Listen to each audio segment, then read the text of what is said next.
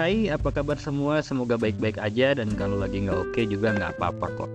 Aku langsung aja mau bahas buku Humankind dari seorang saintis negeri kincir angin. Dia ingin memaparkan alternatif narasi ya bahwa, bahwa umumnya kita tuh melihat dunia ini seolah-olah sebagai kronologi tragedi gitu. Orang tuh gampang banget sujon tapi susah untuk husnujon. Nah kilasan ini ditolak oleh Roger Bregman. Ia mengajak kita awalnya ke Inggris. Jadi ketika berada di bawah ancaman perang dunia, operasi Blitzkrieg, banyak yang mengira bahwa keputusasaan akan mewabah ke benak semua orang warga Inggris. Tapi buktinya para pesimis keliru Justru tragedi ini itu nggak membongkar sisi terburuk manusia. Jadi ada satu psikolog namanya um, siapa ya? Gustav Le Bon. Dia bilang dalam kondisi krisis sisi terburuk manusia akan terbongkar, terungkap. Tapi itu nggak terjadi di Inggris.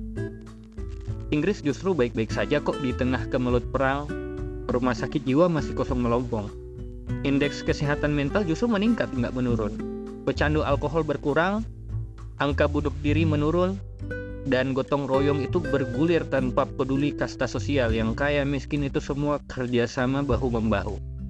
Pada masa-masa penuh perang seperti itu, rakyat Inggris justru mengusung sisi terbaik dari manusia ketimbang sisi terburuk. Ini tentu kontraintuitif ya dengan asumsi kita bahwa manusia itu akan akan muncul sifat aslinya ketika kepepet dan umumnya kita menganggap bahwa sifat asli itu sifat-sifat buruk. Memang sih evolusi telah mendesain otak kita untuk lebih sering berprasangka buruk karena husnujon kepada predator itu nggak akan membantu kamu untuk bertahan hidup.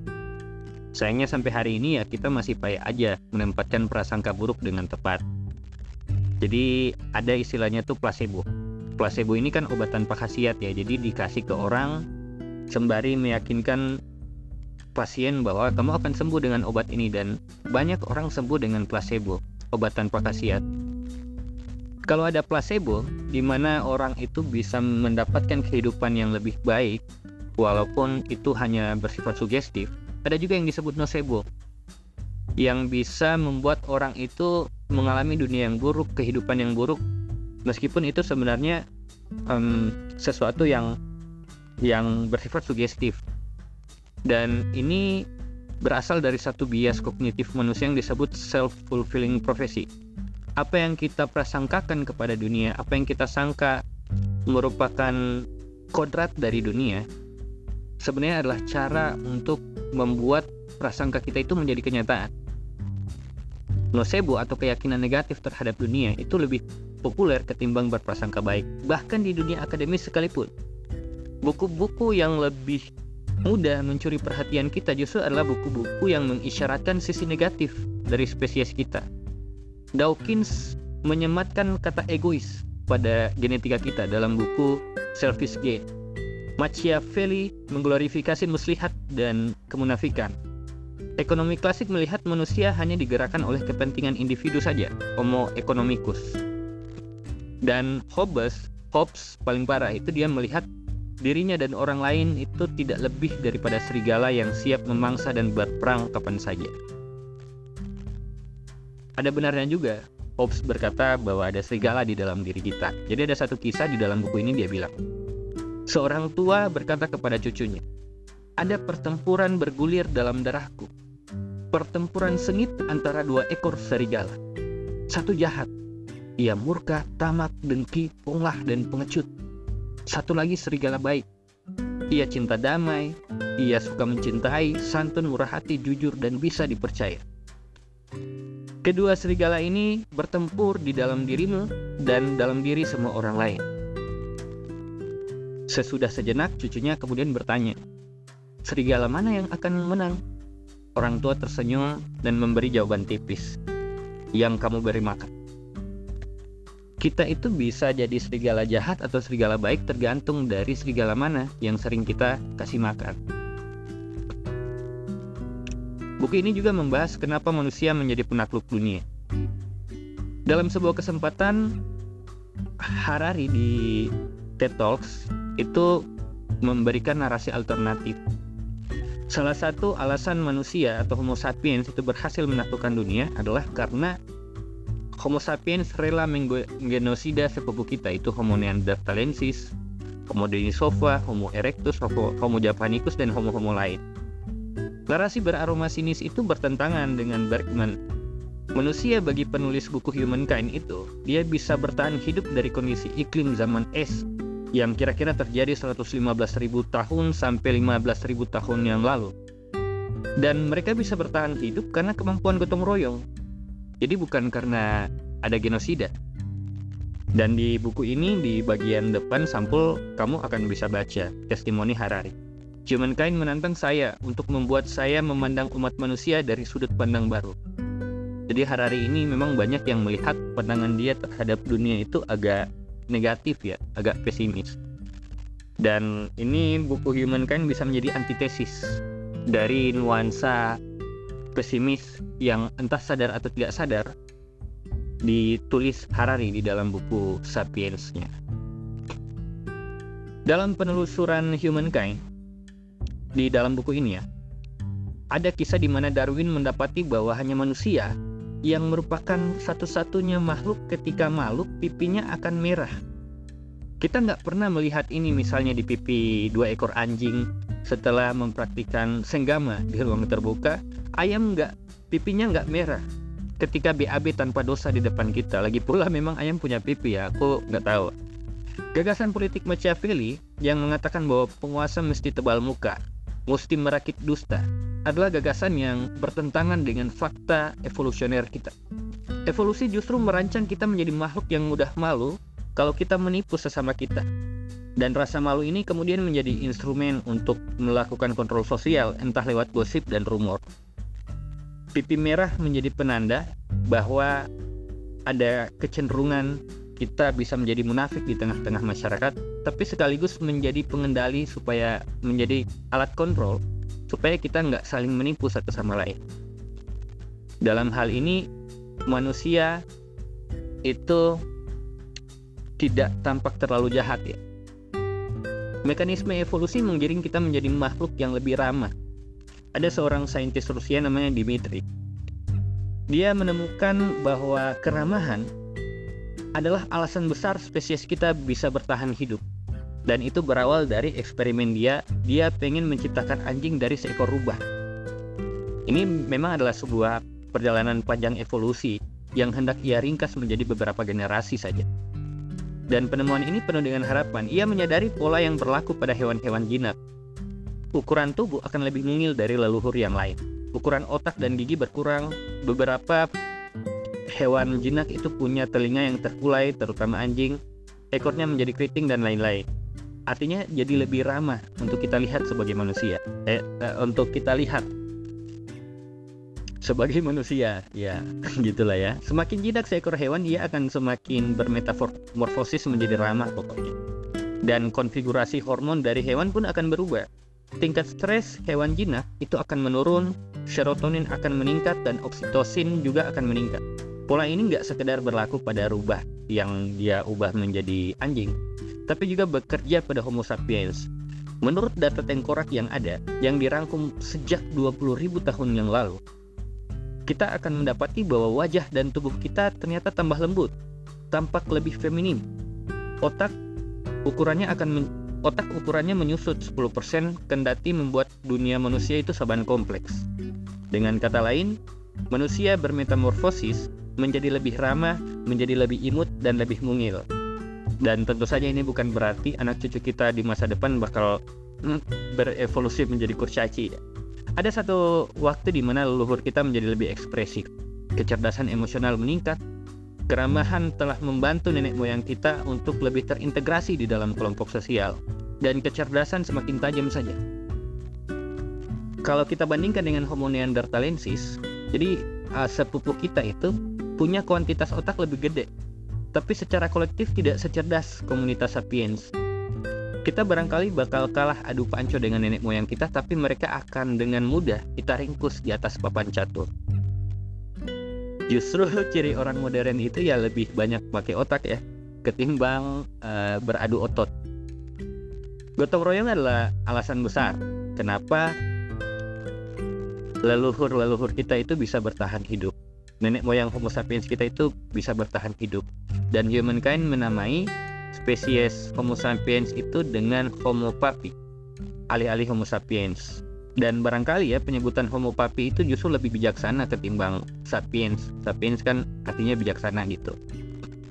Nilai utama survival of the fittest jargon bertahan hidup itu digeser menjadi survival of the friendliest. Kita justru bertahan hidup bukan karena kita itu uh, apa ya banyak orang bilang karena kita itu lebih kuat dan kita bisa menguasai hutan rimba. Kita bertahan hidup justru karena kita adaptif dan kita bisa berkawan bisa beradaptasi di dalam lingkungan perkawanan lingkungan sosial dan bukan karena adu kuat satu sama lain. Humankind telah merajut narasi evolusi yang lebih cerah. Salah satu hormon yang menyelamatkan leluhur sapiens adalah oksitosin. Dan oksitosin ini dia semacam hormon kebahagiaan ya yang akan mengalir kalau kita misalnya bersosial dengan orang lain atau kita menikmati quality time dengan keluarga atau kita nongkrong bareng teman-teman atau kita saling menolong satu sama lain datang ke panti asuhan. Nah, oksitosin yang direproduksi oleh gotong royong itu menyelamatkan homo papi dari kesepian yang menyakitkan dan depresi yang mematikan evolusi akhirnya tidak sekadar menjadi narasi yang seseram di judul-judul buku bestseller gitu. Si penulis buku ini dia bilang kita nggak sendirian, kita punya satu sama lain. Tapi ada paradoksnya juga nih oksitosin ini. Semakin oksitosin itu mengalir di dalam uh, solidaritas kelompok kita, semakin kuat juga potensi kebencian dan agresi pada kelompok lain cebong akan lebih ramah terhadap sesama cebong meskipun nggak saling mengenal satu sama lain. Tapi bisa sangat marah kepada kampret, kendati itu keluarganya sendiri. Perpecahan antar kelompok ini sering disorot para feminis, feminis, pesimis demi memperkuat sinisme mereka. Dan debat tentang fitrah manusia kemudian disinggung ya. Jadi ini debat yang udah sangat lama. Apakah manusia itu pada dasarnya jahat atau apakah manusia itu pada dasarnya buruk? Banyak sekali buku-buku akademis yang mendukung asumsi pertama. Manusia pada dasarnya jahat. Salah satunya adalah Philip Zimbardo dalam eksperimen Stanford.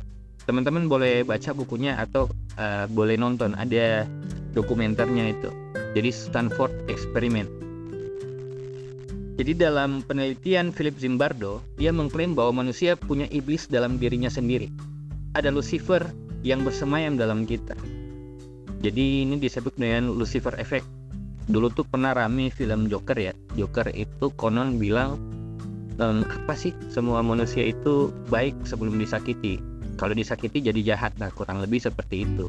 Zimbardo justru bilang kalau kita pakai Zimbardo kita elaborasi, ini akan tampak bahwa setiap orang itu pada dasarnya ada iblis, ada Lucifer dalam dirinya, hanya butuh momen dan kesempatan aja.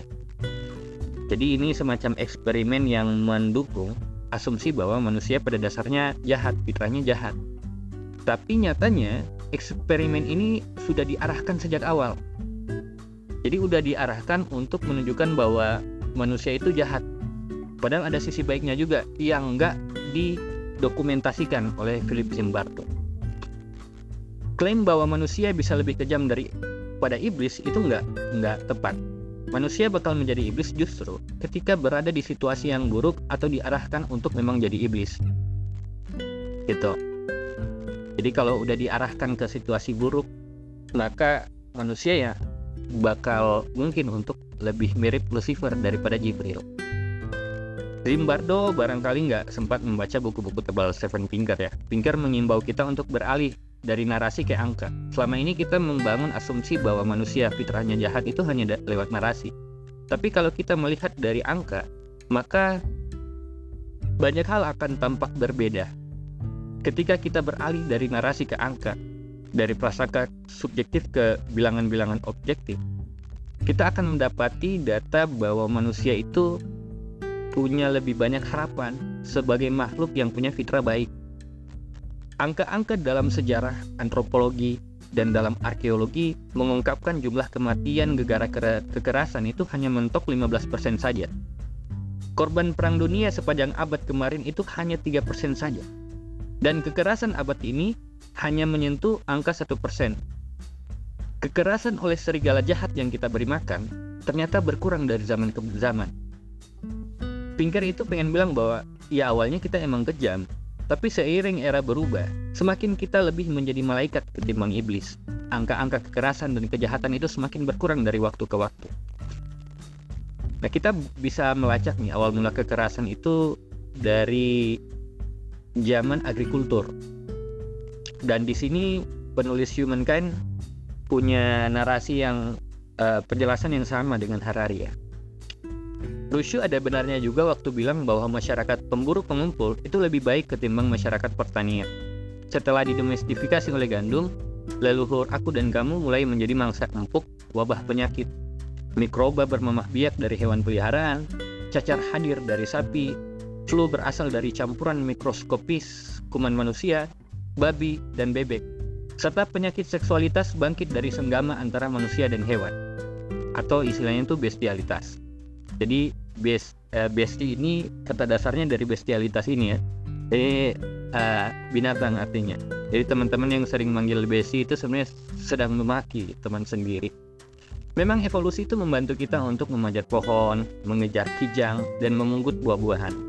Akan tetapi ketika tiba di zaman agrikultur, kita itu justru bekerja jauh lebih keras. Semakin banyak lahan bercocok tanam itu akan semakin aman melakukan reproduksi seksual. Tapi itu juga berarti semakin banyak mulut yang harus kita beri makan. Lingkaran setan lalu berputar. Sejak agrikultur, peradaban dan penindasan itu berbanding lurus. Awal-awal itu awal-awal uh, agrikultur itu berbagai macam sistem itu tercipta kayak uang, teks dan lain sebagainya.